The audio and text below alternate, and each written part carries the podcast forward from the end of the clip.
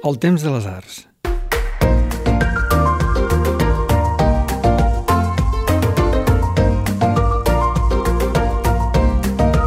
Hola i benvinguts a La Reserva, un podcast del temps de les arts. Avui, des del Centre de Visitants de la Garriga, amb Marta Lloret, la caçadora de masies.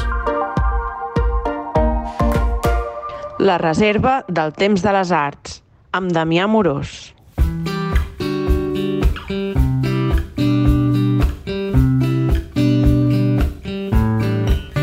Els dèiem a la presentació que som a, som a la Garriga, som al Centre de Visitants de la Garriga, uns antics safretjos, uns antics rentadors. La veritat que per dins canvia de per fora. I estem amb la Marta, amb la Marta Masies, la caçadora Masies. Marta, què tal, com anem? Molt bé, gràcies. I comentàvem ara fa una estona, en... no en una visita prèvia, perquè avui, a diferència d'altres podcasts, estem assentats, no? Podem sí, dir. Sí. I, i dèiem, ostres, eh, com està anant el llibre, com està anant aquesta revolució que has causat de, de les masies al país? Doncs molt bé, jo sóc la primera sorpresa perquè del llibre estava una mica insegura perquè jo no sóc escriptora Sí? i, i clar, volcar tot el que explico a les xarxes amb un llibre és una cosa com més... que Més imposa complicat. Més. Sí, i, i mira, no, no m'ho esperava i et dic, ara, avui acabo de publicar que, que comença en la segona edició, bueno, que ja està Ostres, impresa. fantàstic, Sí. felicitats. Moltes gràcies. I, i bueno, la rebuda dels comentaris que m'està fent la gent que el compra i això són molt bonics. Això és l'important, la gent que el compra, no? Sí, sí, sí. Bueno, els comentaris aquests també, per, per saber que, que el missatge que volia transmetre arriba. Supos... Sense fer spoiler, el missatge que vols transmetre és el mateix que trobem a les xarxes, Sí. que trobem a Instagram? Sí, no he portat res de nou. No, no, no, però, però dic, ostres, que no, no hagi fet el llibre i, i canvia la posició, però crec que, que la teva marca personal fins i tot és aquesta de- d'una reivindicació d'un patrimoni Sí. que moltes vegades potser per la seva situació geogràfica, tot i que em penso que has dit en declaracions que a Barcelona hi havia 200 masies. No, 600. 600, 600, Sí. tres vegades més, clar. Sí. Se'ns ha quedat com bucòlic, no? com apartat d'aquest món industrial. I ara pujar cap aquí a la Garriga des de, des de Serral i, i autovia, autopistes, cotxes, contaminació, i de tant en tant veus una construcció Sí. que dius, mira, deu ser del segle XVI, del XV. Era aquest, no? El missatge, buscar un fet que encara és real, que encara existeix. Sí, de fet sí, encara hi ha, encara que sembli mentida, hi ha molta gent que viu d'aquesta manera i, i també és un reconeixement cap a ells. He volgut posar veu Mm. al que m'expliquen els habitants d'aquestes cases i el llibre va d'això, d'una visita que m'expliquen i a través d'aquesta visita doncs, parlar no només de, de l'arquitectura i dels elements que conserven, sinó del relat que hi ha al darrere, que al final és el més important. I per entendre la situació en què es troben s'ha de saber això a través d'una foto, Mhm. que és el que faig més a les xarxes, tot això no, no, no queda. És allò del... Per saber on anem hem de saber d'on venim, no, al final? Sí, correcte. És- és- Seria un, un resum, però clar, ataquem-ho de, de cara. Marta Lloret eh, arriba al món de les masies a través d'una beca, no? Sí, Però clar, amb, amb declaracions d'altres mitjans deies, eh, estudiaves his- no, humanitats, Humanitats. l'UPF, sí, i volia ser crítica d'art. sí. Clar, a veure, tell me, tell me això de crítica d'art que crec que és molt interessant. Bueno, quan... És que tot això ve de més enrere... Ah, doncs anem, anem més enrere. més enrere, això no ho he dit enlloc. Declaracions Ah, exclusives. Sí, quan anava a l'institut, de fet he de dir que jo no vaig fer història de l'art, que això és greu, és una reflexió Bueno. greu, fins a l'últim curs. A batxillerat? Sí, fins a, l'ul- fins a Sí, segon de sí. batxillerat no vaig fer cap assignatura, sí que havia fet uh, Belles Arts, diguem-ne, o no, plàstica, que Sí. es deia, però no havia fet història de l'art. I jo, de fet, anava una mica perduda, deambulant, pensant a què em dedicaria. I no, de fet no volia ni massa ni estudiar, estava Mhm. bastant desmotivada. I pel meu camí va aparèixer un professor que es deia Jaume Carreras, que feia història de l'art, Sí.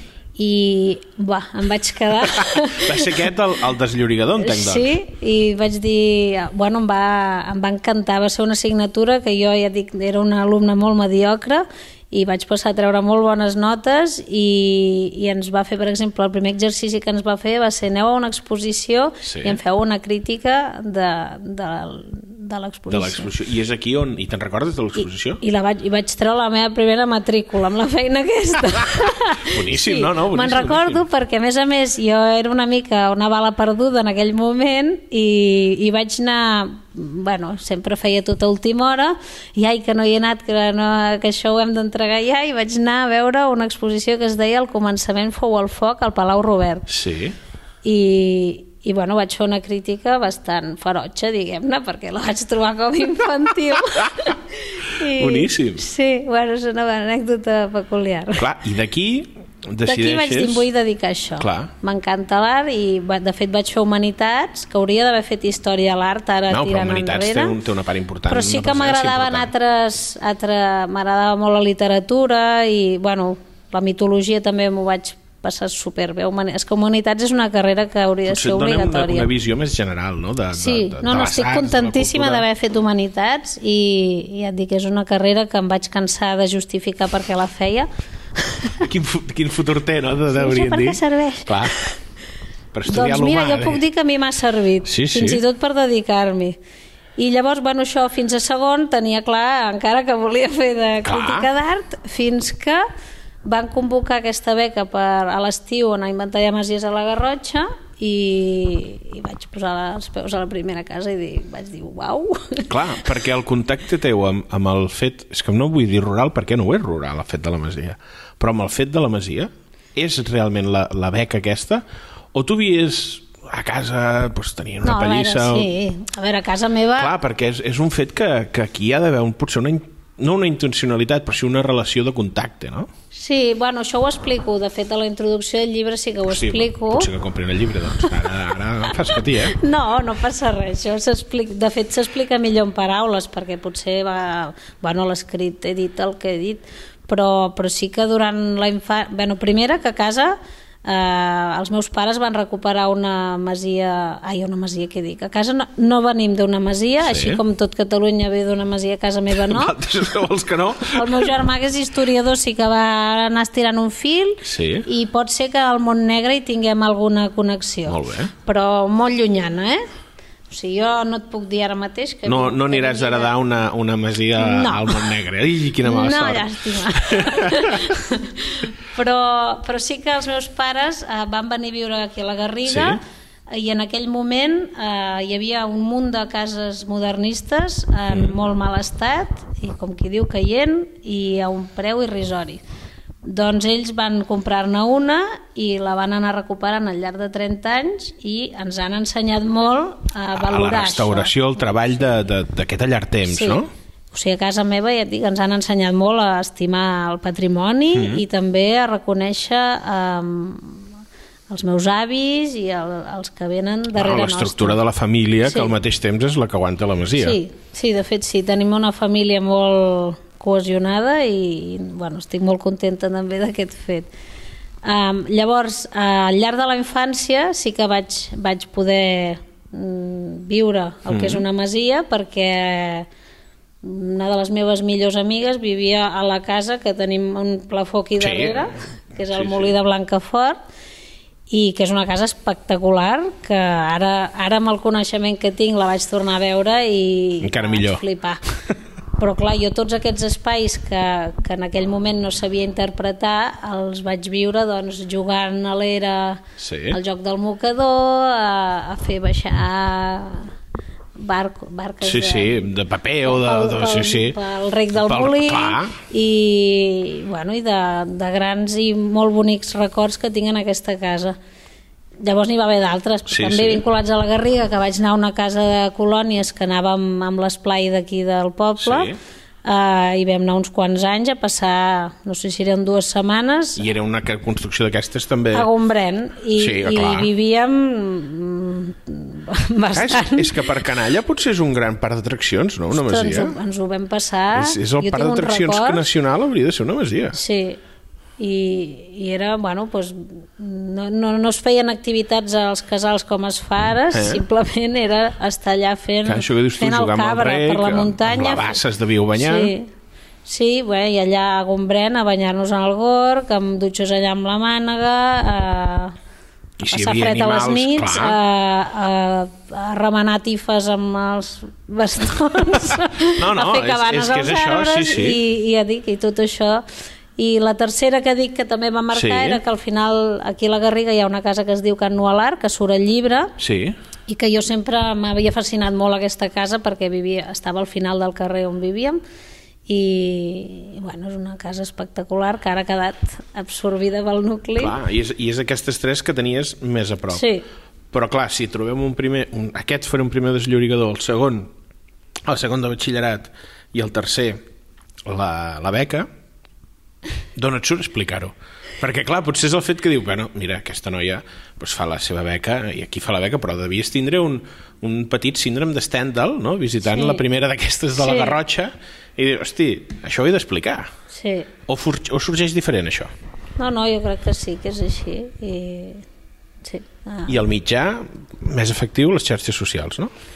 Lo de les xarxes ha sigut molt després, perquè de fet um, sí que pot semblar un personatge això de la caçadora Masies, però en realitat no ho és, és una fixació que la porto des de fa des d'aleshores, que crec que fa uns 17 anys Sí. d'això, i que que els de la Fundació que, que, que van Sí. convocar la beca van veure que jo era com una alumna més interessada que els altres, perquè sí que tots van fer aquesta feina, algú va seguir alguna mica més, Mhm. però jo vaig eh, insistir en, en voler treballar eh, fent es feien catàlegs Sí, sí. de masies i ja dic, enfocar la meva carrera cap aquí llavors vaig fer un màster de gestió de patrimoni Mhm. per poder De la UE? eh, no, No? De, de Girona Ah, el de Girona, sí, ostres, és que ja havia fantàstic. estudiat massa a Barcelona i estava cansada. Clar, perquè això, Que sí. això del canvi d'aire també també dona per, per això de les masies, és a dir, interessar-te per un fet que, tot i que tens aquesta relació, descobreixes d'una forma a l'estiu, no sé, com un viatge iniciàtic, no? A més a la Garrotxa, mm. aquesta Catalunya, Catalunya vella, no? Sí, Que potser és un fet que també sume. sí, sí, sense dubte. I, I una de les preguntes que t'havia fet abans, et deia això, escolta, jo vinc del sud, de la Catalunya Nova, i et deia, a veure, a veure, a veure, Marta, seiem, seiem, que hem de seure. Dic, escolta'm, un mas i una masia. A veure, Què tenim davant? Sí que llavors m'has dit el que ja m'esperava que em diries. A veure, amb el diccionari a la mà, diguem, masia és la casa, no, la, const... o sigui, la casa principal. Mas és tota l'explotació. Clar, llavors Llavors ens n'anem Nova ens n'anem de la Catalunya vella i ja l'hem liat perquè mas eh, és qualsevol construcció Agrícola, O, bueno, o que està al tros. Sí. Clar, clar, Sí. clar, clar, clar, clar. I, i sí, de fet, hi ha molta part de Catalunya que la paraula masia no la fan servir i O, o bueno, també t'explicava el cas de Valls, que clar, una masia és una, una barraca. Sí, una, una barraca amb fer tros. calçotada, sí. sí. A veure, jo crec que el punt diferencial és que si, si visqui de forma fixa i que es, forma dedica, permanent, no? que es dediqui a l'activitat agrícola ramadera. Esteu escoltant La Reserva, amb el Damià Amorós. No marxeu, que de seguida tornem. No penseu que els podcasts del Temps de les Arts s'acaben amb La Reserva. Us recomanem que tasteu altres plats de la nostra carta. Per exemple, Flors de Baladra, on la Txell Bonet entrevista personatges com el Quimi Portet o el Gerard Quintana. Sota de l'iceberg és un altre exemple, un podcast amb entrevistes als professionals que hi ha al darrere de les bambalines de l'espectacle i està conduït pel Martí Figueres. Per altra banda, també oferim un tastet del que s'està fent al davant de les Tremolles amb el Zoo de Vidre, el podcast d'arts escèniques de l'Andreu Gomila. Temsarts.cat és una revista online de divulgació de les arts, la cultura i el patrimoni. I ara seguim amb la reserva. Ep, si voleu.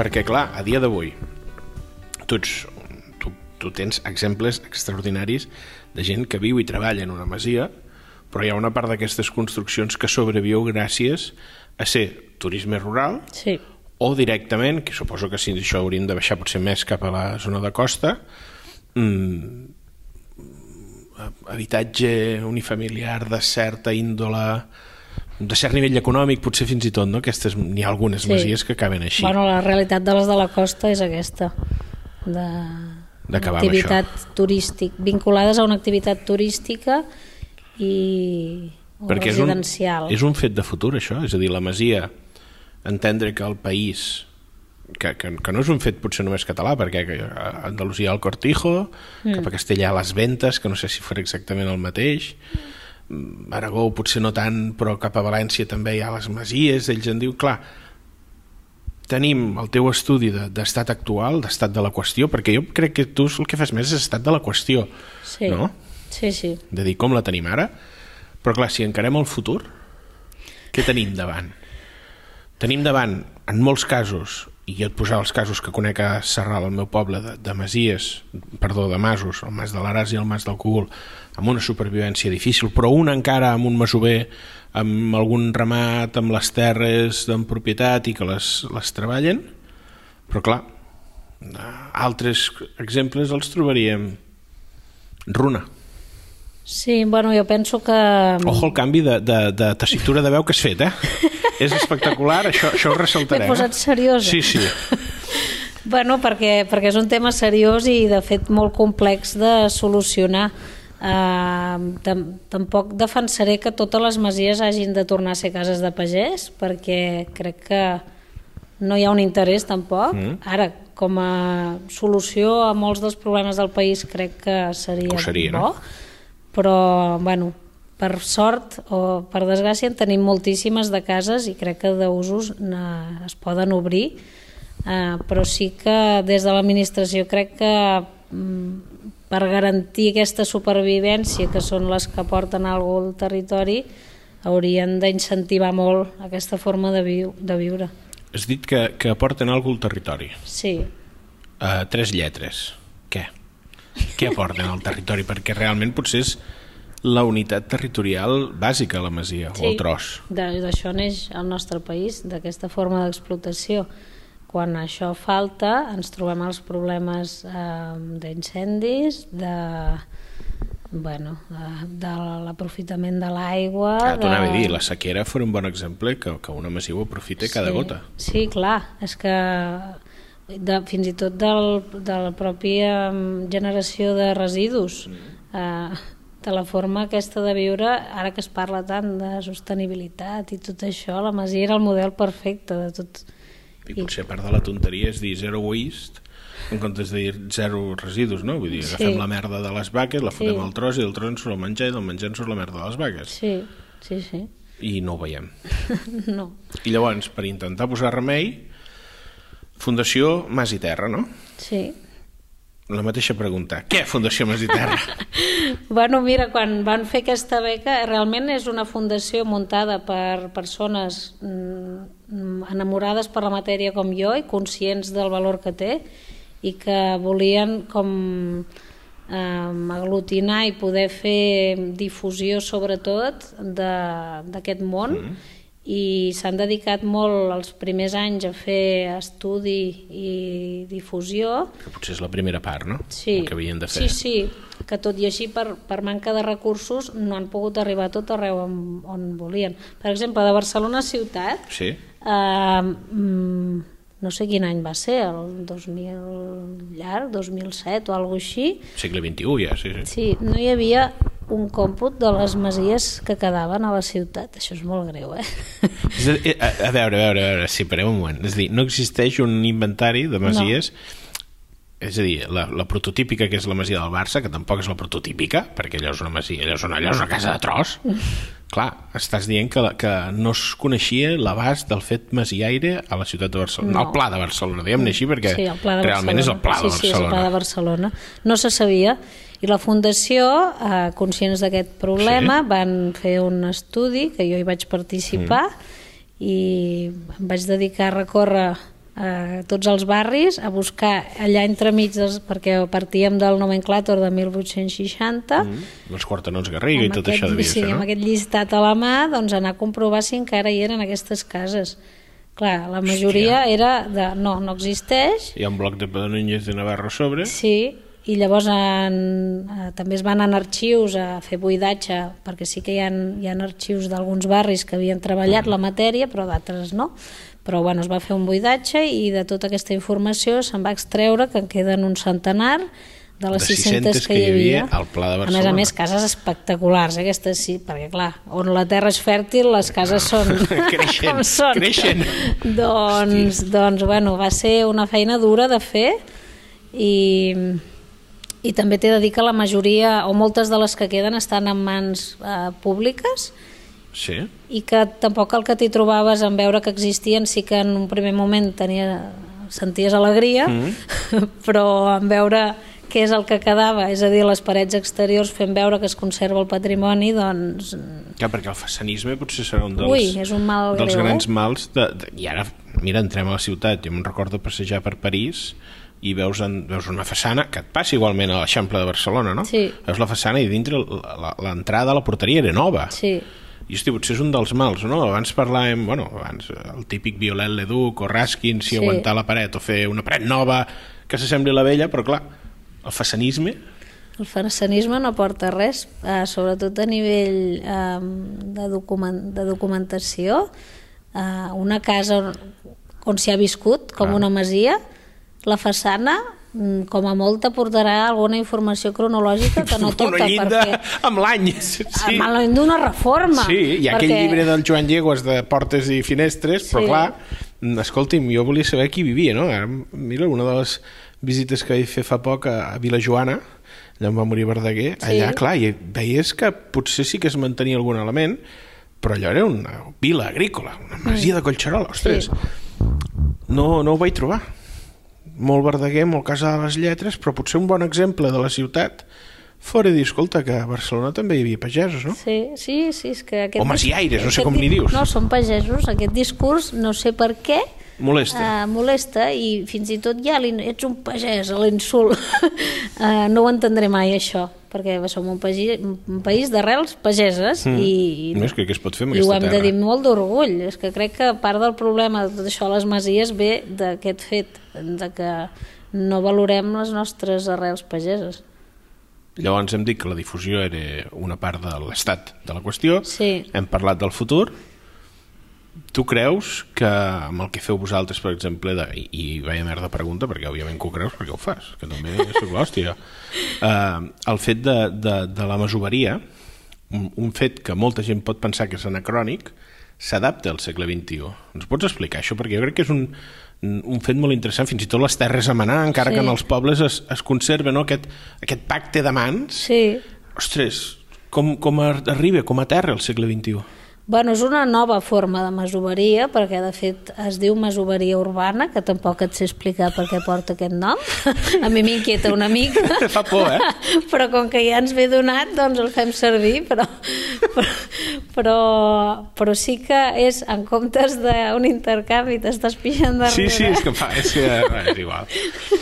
és que ho trobes, clar, ma- masoveria urbana. Ja. Bueno, suposo que és perquè és una fórmula que s'ha tret d'edificis urbans, no, no, no ho sé. I és una marca, no?, al final, també. Sí, bueno, sí, no ho sé. Una nova figura Però, jurídica. ah, això, xitxa de, de masoveria urbana. Bueno, aquí el cas és sí que ens interessa en aquest sentit, que és en comptes d'anar vinculat al treball, Mm. a A la- a la terra, sí, l'explotació, al treball o de la l'edifici. terra, o, sí, va vinculat a l'edifici que és a canvi d'obres eh, hi pots viure. Hi ha un dret de- d'estada. Sí. En comptes d'estar pagant un lloguer, estàs pagant-ho amb obres. I fora la fórmula de que edificis com són masies o, o dins de la masia la masoveria, perquè encara ja les masies grosses tenien Sí. una casa Sí. destinada als masovers, es pugui mantenir una part d'aquest patrimoni, Sí, no? sí. De fet, en eh, moltes de les cases que tenim és la masia sencera. Ja s'ha eh? empatat la masoveria i es queden amb la casa dels... Sí, o potser no tenien masoveria, o potser ja ho eren, és la, mas Sí. la masoveria que no està eh, Associada a la directament, casa, no? però, però bueno, eh, i també en- ens trobem molts casos que són els que més ens interessen, Mm.